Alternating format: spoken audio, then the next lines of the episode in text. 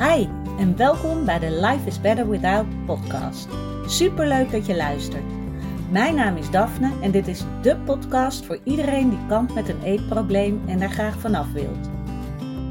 Als ervaringsdeskundige weet ik heel goed hoe het is om in jouw situatie te zitten, maar ik weet inmiddels ook hoeveel fijner het leven is zonder die eetstoornis. En dat gun ik jou ook. Daarom deel ik in deze podcast al mijn inzichten omtrent het herstellen van een eetprobleem. Ik laat je weten wat er bij mij wel werkte en wat niet. En ik sta open voor al je vragen. Als jij klaar bent voor een leven zonder eetstoornis, dan weet ik 100% zeker dat jij dat kan bereiken. Want als ik het kan, kan jij het ook. Hey lieve jij, leuk dat je weer luistert naar een nieuwe podcastaflevering. Ik zit nog steeds in ons boshuis. Het is hier pisweer. dat is een beetje jammer. Maar uh, dat mag de pret niet drukken. Uh, nou, ik vertelde vorige week al dat ik een beetje in zo'n hulbui zat. En uh, nou, die heeft nog wel een beetje daarna toch nog weer een beetje doorgespeeld. Maar inmiddels voel ik me gelukkig weer beter. En ik zei de vorige keer volgens mij nog van, uh, nou dan moet ik, als ik heel erg in mezelf zit, dan moet ik niet gaan uh, mediteren. Maar gisteren heeft zowaar een meditatie toch geholpen. En dat was ook een beetje, dat was een geleide meditatie. En dat was echt om weer te kijken van, oh ja, wat, wat wil ik? Wat, uh, welke richting wil ik uit? Ehm ja, om, om even uit die spiraal te komen. Dus, nou, uh, ik sprak mezelf dan dus eigenlijk een beetje tegen de vorige keer. Maar het ligt eraan uh, op wat voor manier je in je bubbel zit, natuurlijk.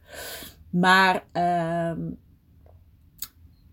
ja, dat heeft me dus toch een beetje geholpen. En dat was heel fijn. Maar waar ik het deze keer eigenlijk over wil hebben. Ehm, ik zei de vorige keer al van, ik heb een, uh, ben een boek aan het lezen. Um, nou ben ik de titel alweer kwijt, gaat lekker. Uh, over uh, overwin je eetbuien, was het volgens mij. Nou, ik mm, ben niet super enthousiast over het boek, omdat ja, er staat, je, je hoopt dan inderdaad erachter te komen. Oké, wat is nou hetgene dat ervoor zorgt dat je eetbuien hebt? Ja, er zitten allemaal. Uh, ja, hoe zeg je dat? Ze, ze halen allerlei onderzoeken aan van ja, en dan kan het dit zijn, maar dat is uh, eigenlijk bij andere psychische stoornissen hetzelfde. Dus eigenlijk kom je er niet echt achter wat, wat nou hetgeen is. Um, wat er echt aan bijdraagt, dat je meer kans hebt. Ja, wat, wat wel naar voren kwam, is inderdaad dat uh, mensen met lage eigenwaarde en die perfectionistisch zijn, dat die meer kans hebben op het ontwikkelen van een eetstoornis. En ja, dat, daar keek ik niet echt van op. Dat was niet echt nieuwe informatie voor mij. Misschien voor jou wel. Dus ik meld hem toch wel even. Maar waar ik steeds meer van onder de indruk raak en eigenlijk ook steeds meer geërgerd en boos door raak, is inderdaad die hele dieetcultuur. Die ook um, je er zo in luist. Weet je, en dan gaat het, het, het feit dat gezondheid gelijk wordt gesteld aan een laag gewicht, aan dun zijn en dat als je dun bent, dan heb je doorzettingsvermogen. En allemaal dat soort aannames. Dat is echt. Dat is zo gevaarlijk. En dat in alles wat we tegenkomen, de focus ligt op gezondheid. En daarachter ligt dan vaak het doel gewichtsverlies. En dat gaat zo onbewust dat je vaak niet eens door hebt dat het daarover gaat. En nou, ik, uh, ik, ik merk dat ik, ja, dat ik daar steeds bozer over word.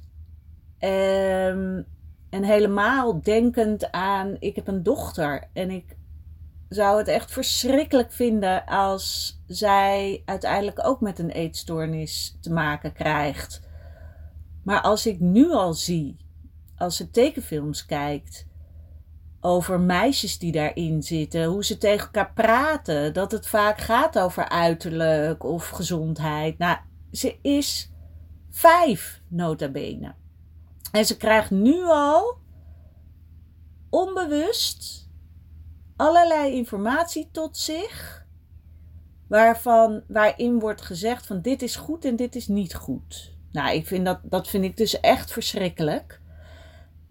En daarom hoop ik ook heel erg dat ik haar uh, ja, toch mee kan geven dat het daar niet om gaat. Dat gezondheid niet gelijk staat aan uh, diëten, aan uh, overdreven sporten met als uh, achterliggend doel uh, dun worden. Weet je? Je moet sporten omdat je het leuk vindt. Je moet eten omdat je honger hebt. En niet niet eten omdat je denkt van dan kom ik aan. Want dat, daar ligt die hele visueuze cirkel. En dat is natuurlijk ook als je een eetstoornis hebt. Je bent zo jezelf aan het tegenhouden om te eten, waardoor die urge uiteindelijk te veel wordt. En dat is natuurlijk ook in die hele dieetcultuur. En in, bij eetstoornissen is het dan nog eens een keertje. Uh, ja, hoe zeg je dat nou? Uh, nog even tien keer erger. Uh, ook omdat het. Je houdt het vol. En nou, ik, wow, ik word hier helemaal braag van als ik hierover praat. Want het is inderdaad, het wordt zo. Je houdt het zo in stand. Je respecteert je lichaam niet zoals hij is. Want inderdaad, als een lichaam te weinig voedsel krijgt, dat is te weinig energie. Want in calorieën zit de energie die je nodig hebt om de dingen te kunnen doen. Dat je lichaam kan doen wat hij moet doen. En dat, ja, ik, ik oh man. Ik weet, ik weet niet, uh, uh, ja, nou, ik vind het in ieder geval verschrikkelijk. Dat ik er steeds meer achter kom hoe die hele maatschappij in elkaar zit. En dat er zoveel bedrijven zijn die daarop inspelen. En daarmee gewoon uh, vrouwen en ook steeds vaker mannen, als het ware, indoctrineren. En ik las bijvoorbeeld ook in het boek Intuïtief Eten, wat ik nu aan het lezen ben. Die is net uitgekomen in het Nederlands. En ik ja, word nu al heel blij van dit boek.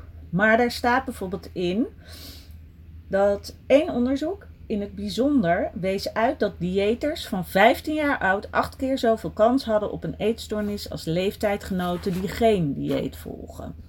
En ik ben dus heel benieuwd, als je eens bij jezelf nagaat, ben jij ooit voor je zestiende met diëten bezig geweest?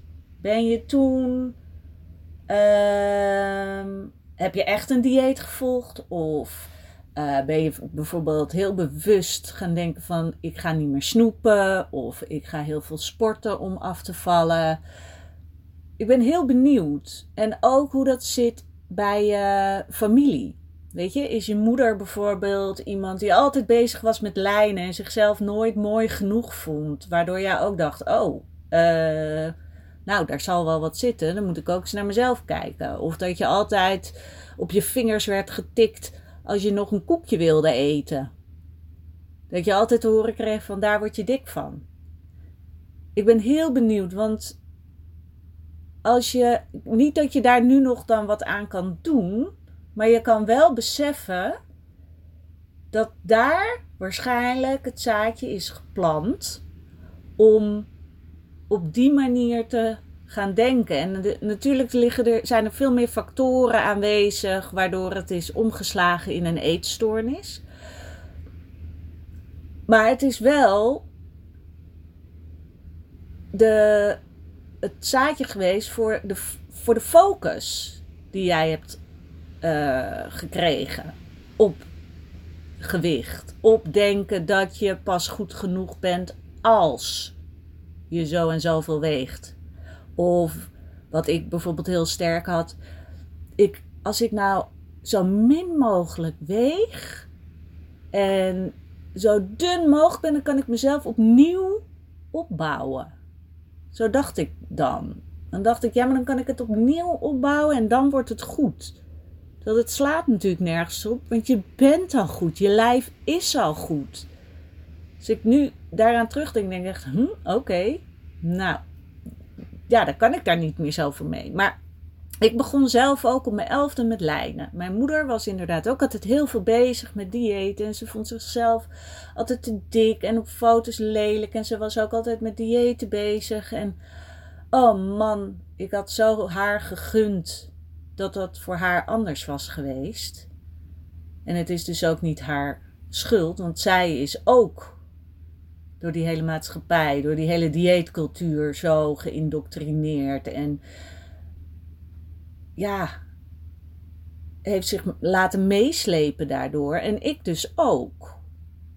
En bij mij is het dus ook nog verder gegaan dat het is uitgegroeid tot een eetstoornis. Dat ik voelde van, oh ja, hier heb ik controle over in, in het begin.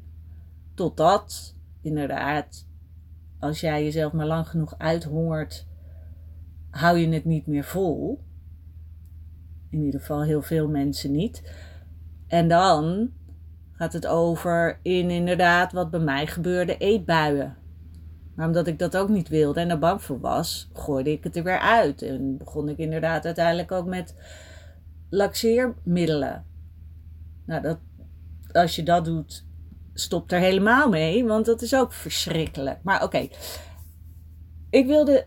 Het is niet een hele duidelijke podcast. Ik wilde gewoon heel erg mijn ongenoegen uiten naar de dieetcultuur die er heerst. En nog steeds, ook al wordt het steeds meer uh, benoemd als uh, het is goed voor je gezondheid. Iemand met een zwaarder gewicht kan net zo goed gezond zijn. Het wordt ons aangepraat dat dat niet zo is. En dat is denk ik het allerbelangrijkste. Ik ga zeker dit boek verder lezen en ik hou jullie op de hoogte hiervan. Um, want het spreekt mij heel erg aan. En um, ja, dus ik, uh, ik laat weten hoe dit boek verder gaat. En nou, ik ben heel benieuwd uh, of jij zou willen delen. Of jij inderdaad al op vroege leeftijd begonnen bent met uh, lijnen. Of inderdaad het bepaalde voeding uit je eetpatroon te, te wissen. Bijvoorbeeld dus inderdaad niet snoepen, dat soort dingen. Want dat kan allemaal geleid hebben tot je eetstoornis. Onschuldig diëten kan daar, ja, kan daaraan bijdragen. En dat, uh, dat is echt verschrikkelijk. Helemaal als je daar op jonge leeftijd al mee begint. Oké, nou, het was een beetje een rant en een beetje misschien wat onsamenhangend. Ik hoop dat je, dat je er wat aan hebt. Uh, dat ik, uh, in ieder geval dankjewel dat je kon, wilde luisteren naar mijn ongenoegen over diëten. En ehm, ik ga zo weer lekker de regen in. Nog eventjes genieten hier. Ehm waarschijnlijk vrijdag weer een nieuwe podcast. Maar uh, nou, hou me te goede, want uh, het is dus uh, vakantie hier. En uh, oh ja, je kan dus ook nog steeds eh, mijn ehm, e-book downloaden op mijn website daphneholthuizen.nl. En dat is een e-book over positief herstellen. met daarin 10 tips. En ja, ik vind het hele waardevolle tips. Dus ik hoop jij ook dat jij er wat aan hebt. Uh, je kan hem gratis aanvragen via mijn website. En uh, nou, laat me weten of je wat hebt aan deze podcast. Ik vind het altijd leuk om van je te horen. En dan ehm, spreek ik je de volgende keer weer.